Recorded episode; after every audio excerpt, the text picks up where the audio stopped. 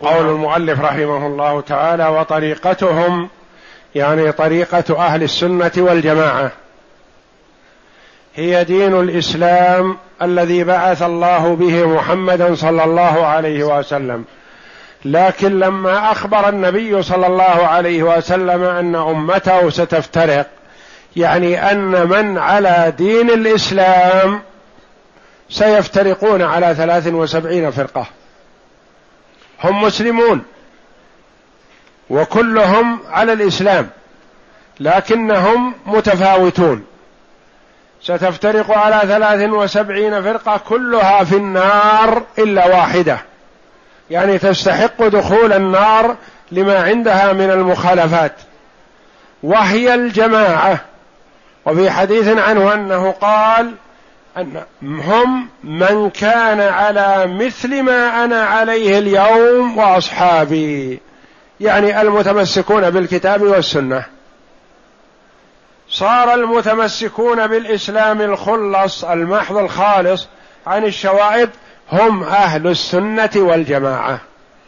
لأن هذه الثلاث والسبعين فرقة تقيم شعائر الإسلام لكن عندها من المخالفات.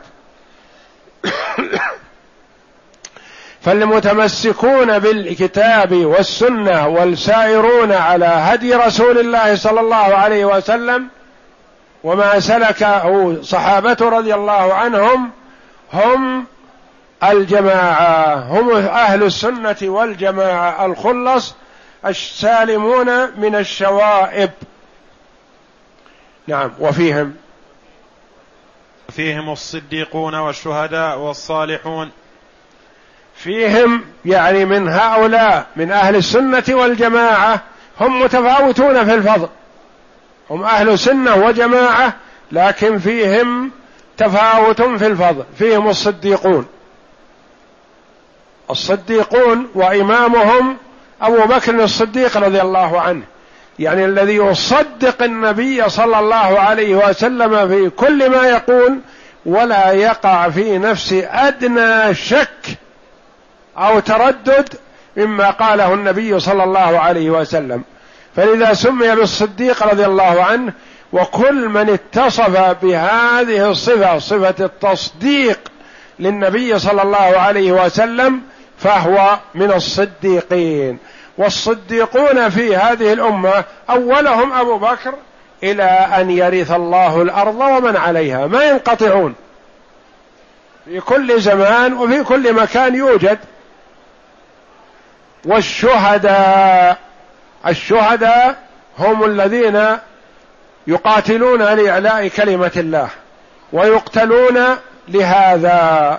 فهؤلاء هم الشهداء. من قاتل لتكون كلمة الله هي العليا فهو في سبيل الله. لما سئل النبي صلى الله عليه وسلم الرجل يقاتل شجاعة يقاتل حمية يقاتل ليرى مكانه أي ذلك في سبيل الله؟ قال عليه الصلاة والسلام من قاتل لتكون كلمة الله هي العليا فهو سبيل الله. في سبيل الله. وما عداها فلا. وأول من تسعر بهم النار والعياذ بالله يوم القيامة ثلاثة. قتل مقتول في المعركة يدعي الشهادة. وآخر في العلم والقراءة. وآخر الثالث في الإنفاق أمواله في طاعة الله. لكن لما كان عمل هؤلاء كلهم لا لوجه الله صاروا أول من تسعر بهم النار والعياذ بالله. نعم. ومنهم أعلام الهدى ومصابيح الدجى. وفيهم الصالحون. الصالحون المستقيمون على الحق. صلحت أعمالهم ونياتهم واستقاموا على طاعة الله. نعم. ومنهم أعلام الهدى ومصابيح الدجى. أولو أعلام الهدى يعني أعلام على السنة. لتمسكهم بالسنة صاروا كأنه علم على السنة. ومصابيح الدجى الدجى الظلام. يعني ينيرون للناس طريقهم إلى الله جل وعلا. فهم يرسمون لهم الطريق السليم السالم من البدع والشوائب حتى يصلوا إلى ربهم جل وعلا ورضوانه نعم. أولو المناقب المأثورة والفضائل المذكورة. المناقب الصفات الحميدة والحسنة. والفضائل المذكورة يعني أن لهم فضل في هذا العمل. نعم. وفيهم الأبدال. وفيهم الأبدال. الأبدال هم الذين البدل يخلف البدل. واحد يخلف الآخر. يعني يقيمون الناس السنة.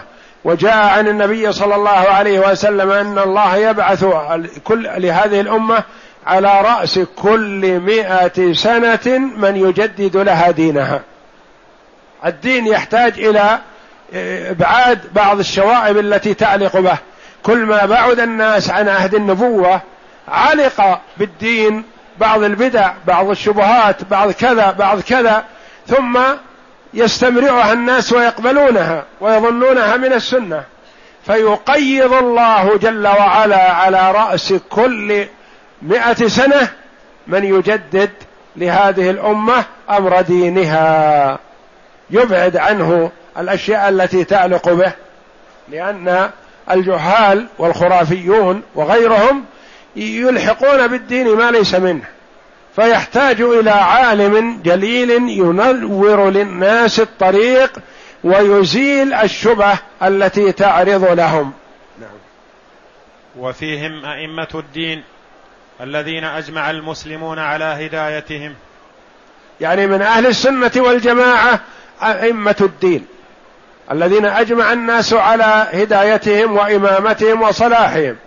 يعني أنهم عرفوا بالاستقامة على الحق وأنهم لا تأخذهم في الله لومة لائم ولا يجاملون ولا يداهنون بل يقولون الحق وإن كان على أنفسهم. نعم.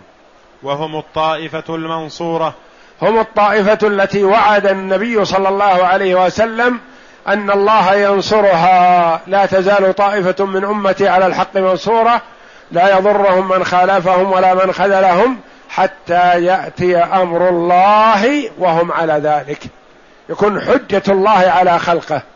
ينصرهم ويؤيدهم وهم على الحق. نعم. وهم الطائفة المنصورة الذي قال فيهم النبي صلى الله عليه وسلم لا تزال طائفة من أمتي على الحق منصورة. لا يضرهم من خالفهم ولا من خذلهم حتى تقوم الساعة. نعم. نسأل الله أن يجعلنا منهم وأن لا يزيغ قلوبنا بعد إذ هدانا وأن يهب لنا من لدنه رحمة إنه هو الوهاب. المؤلف رحمه الله تعالى يسأل ربه جل وعلا أن يجعله منهم. ونرجو الله جل وعلا أن يجعله وأن يجعلنا وإياكم جميعا منهم بمنه وكرمه إنه جواد كريم. فعلينا أيها الإخوة أن نأخذ بكتاب ربنا وسنة رسوله صلى الله عليه وسلم وأن نبتعد عن التقليد للرجال في مخالفة السنة. نقلد خيار هذه الأمة في اتباع السنة. أما إذا خفي عليهم شيء منها أو ما وصلهم ونحو ذلك وقد بلغنا أن هذا سنة رسول الله صلى الله عليه وسلم فنأخذ به وندع ما سواه. والله أعلم. وصلى الله وسلم وبارك على عبده ورسول نبينا محمد وعلى آله وصحبه أجمعين. نجيب على الأسئلة إن شاء الله. وغدا الدرس إن شاء الله في المناسك بالذات.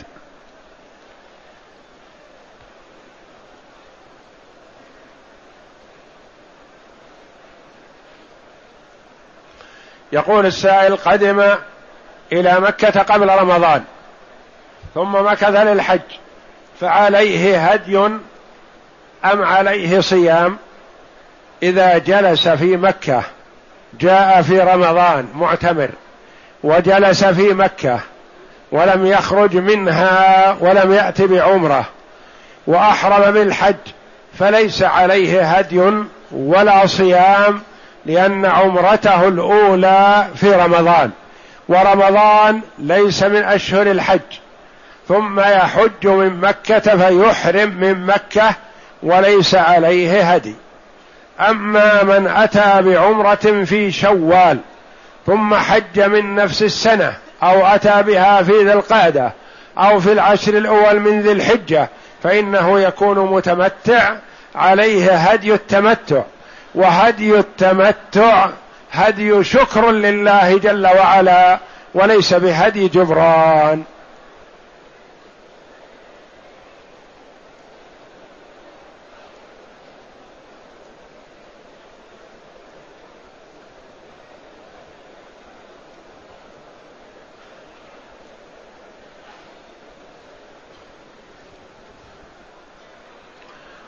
يقول صلاة عبد الله بن مسعود رضي الله عنه.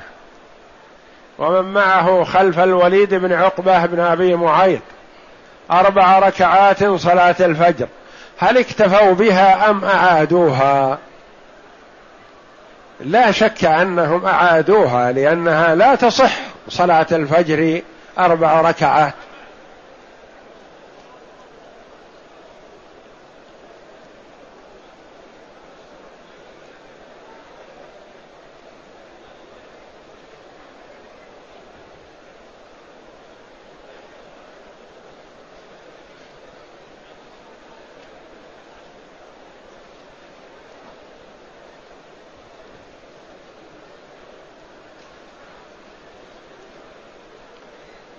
يقول السائل رجل جاء من بلاده ودخل مكة بدون إحرام ثم ذهب إلى إلى المدينة وأحرم من ميقاتها وأتى بعمرة هل عليه شيء؟ ما دام أنه دخل مكة بدون إحرام وخرج من مكة وذهب إلى المدينة وأحرم من ميقات أهل المدينة فالذي يظهر والله أعلم أنه ليس عليه شيء لأنه دخل غير محرم ثم رجع وعاد وأحرم من مك من المدينة. فليس عليه شيء إن شاء الله.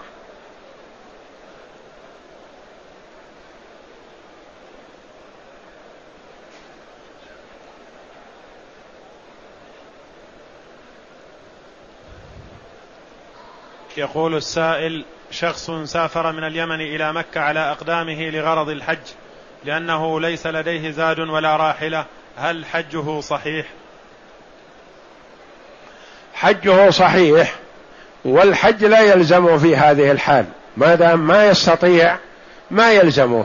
لكن قال العلماء رحمهم الله من لا يجب عليه الحج لعدم الاستطاعة فحمل نفسه المشقة وحج فحجه صحيح.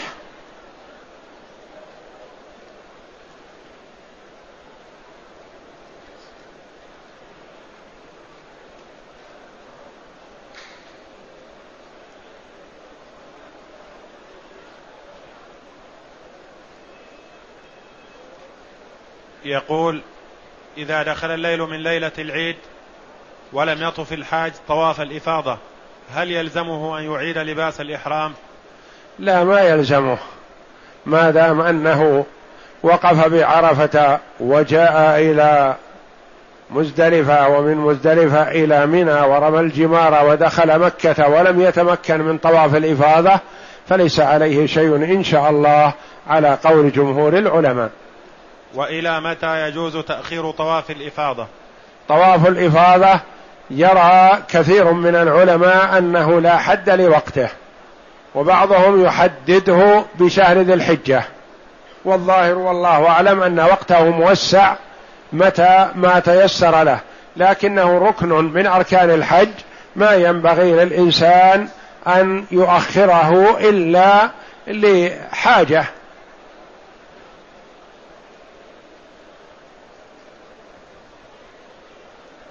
يقول السائل الذي يحج عن الغير كم يستحق من النفقة؟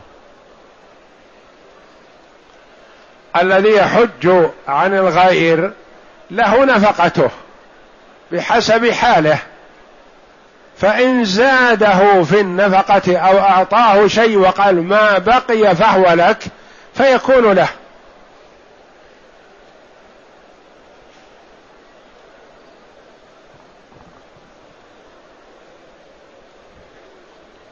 يقول ماذا يفعل الحاج المتمتع يوم التروية؟ يوم التروية يحرم من أراد الحج.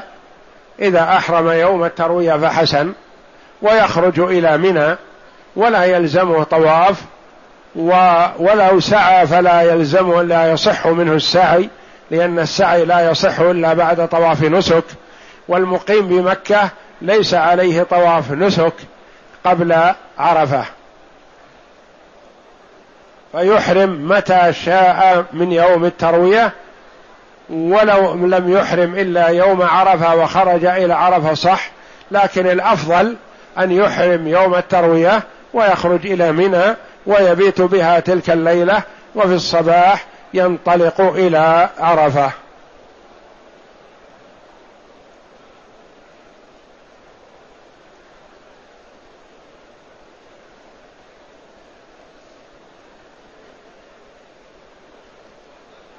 يقول أنا جئت بعمرة في رمضان وبقيت في مكة وأنا نويت أن أقوم بحج لشخص آخر. ماذا يلزم علي؟ ما دام أن دخولك مكة في رمضان فتحرم بالحج إن شاء الله في وقته ولا يلزمك هدي. يقول قدمنا إلى مكة في رجب عام خمس وعشرين وأربعمائة وألف.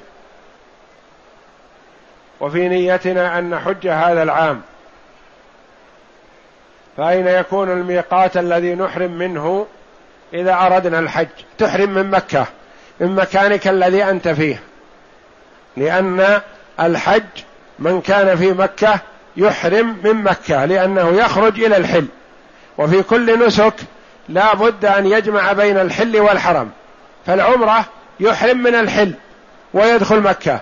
والحج المقيم بمكة والمتمتع يحرم من مكة ويخرج إلى منى ومن منى إلى إلى إلى عرفات وعرفات من الحل ثم يعود إلى الحرم.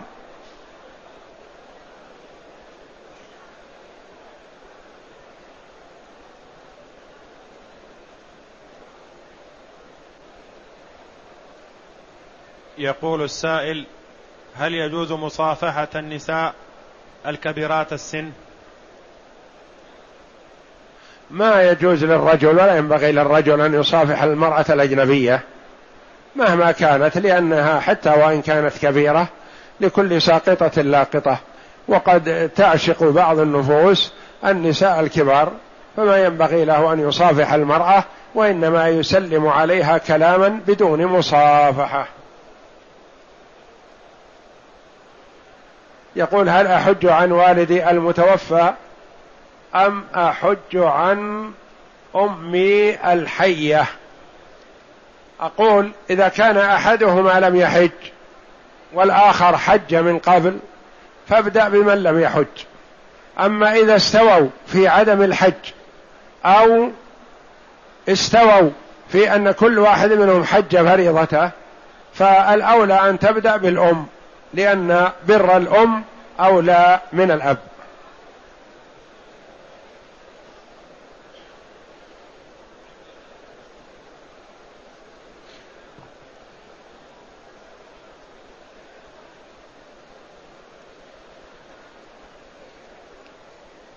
يقول هل يجب على المحرم نتف شعر الإبط وحلق العانة قبل إحرامه أم هو سنة مؤكدة؟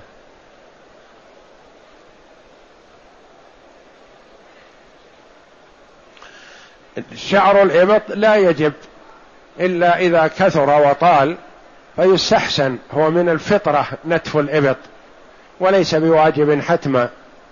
وكذا تقليم الأظافر هو من السنة. فيحسن بمن أراد الدخول في النسك أن يتفقد نفسه حتى لا يحتاج إلى إزالة ما لا يجوز التعرض له حال النسك. فمثلا إذا كان يخشى أن يحتاج إلى إزالة الإبط بعد الإحرام نقول يحسن به أن يتفقده قبل الإحرام. يتفقد تقليم الأظافر قبل الإحرام حتى لا يحتاج إلى التقليم بعد الإحرام. بعض الأسئلة تكون طويلة.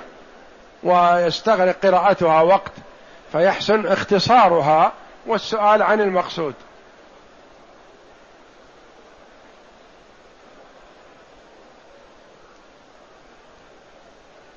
يقول ذكرتم أن رمي جمرة العقبة ترمى من جهة وأشرتم إلى الوادي. والسؤال أين يقف الحاج عند الرمي؟ ما هو اتجاه منى؟ أن يقف يجعل يمينه نحو منى ويساره نحو مكة ويرمي جمرة العقبة مستقبلا لها. يمينه إلى منى ويساره إلى مكة.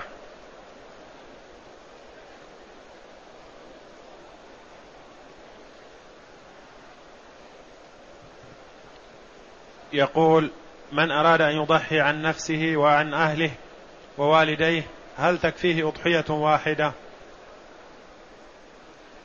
ما داموا ما دامت الأضحية منه وهم في بيت واحد الأحياء منهم في بيت واحد فيكفيه أضحية واحدة.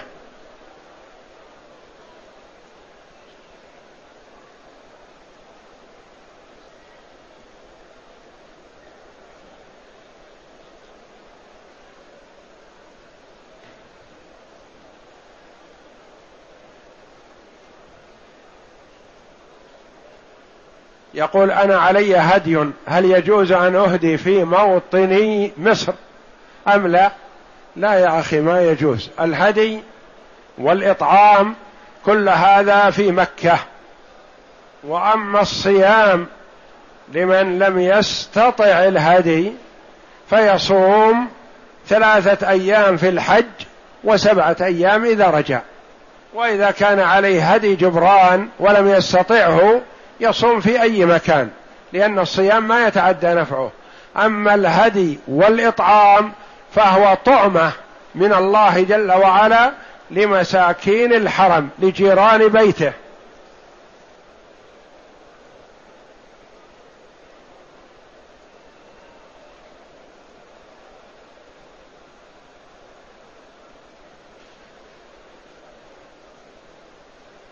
يقول جئت بعمرة في شهر ذي القعدة ثم خرجت إلى الطائف وأرغب الآن في الحج متمتعا هل هذا العمل صحيح؟ إذا أتيت بعمرة في أشهر الحج ولم تسافر بينها وبين الحج سفر قصر فأنت متمتع حينئذ فإن كنت أتيت بالعمرة وسافرت سفر قصر فعليك إذا رغبت التمتع أن تأتي بعمرة أخرى لتكون متمتعا. والله أعلم. وصلى الله وسلم وبارك على عبده ورسول نبينا محمد وعلى آله وصحبه أجمعين.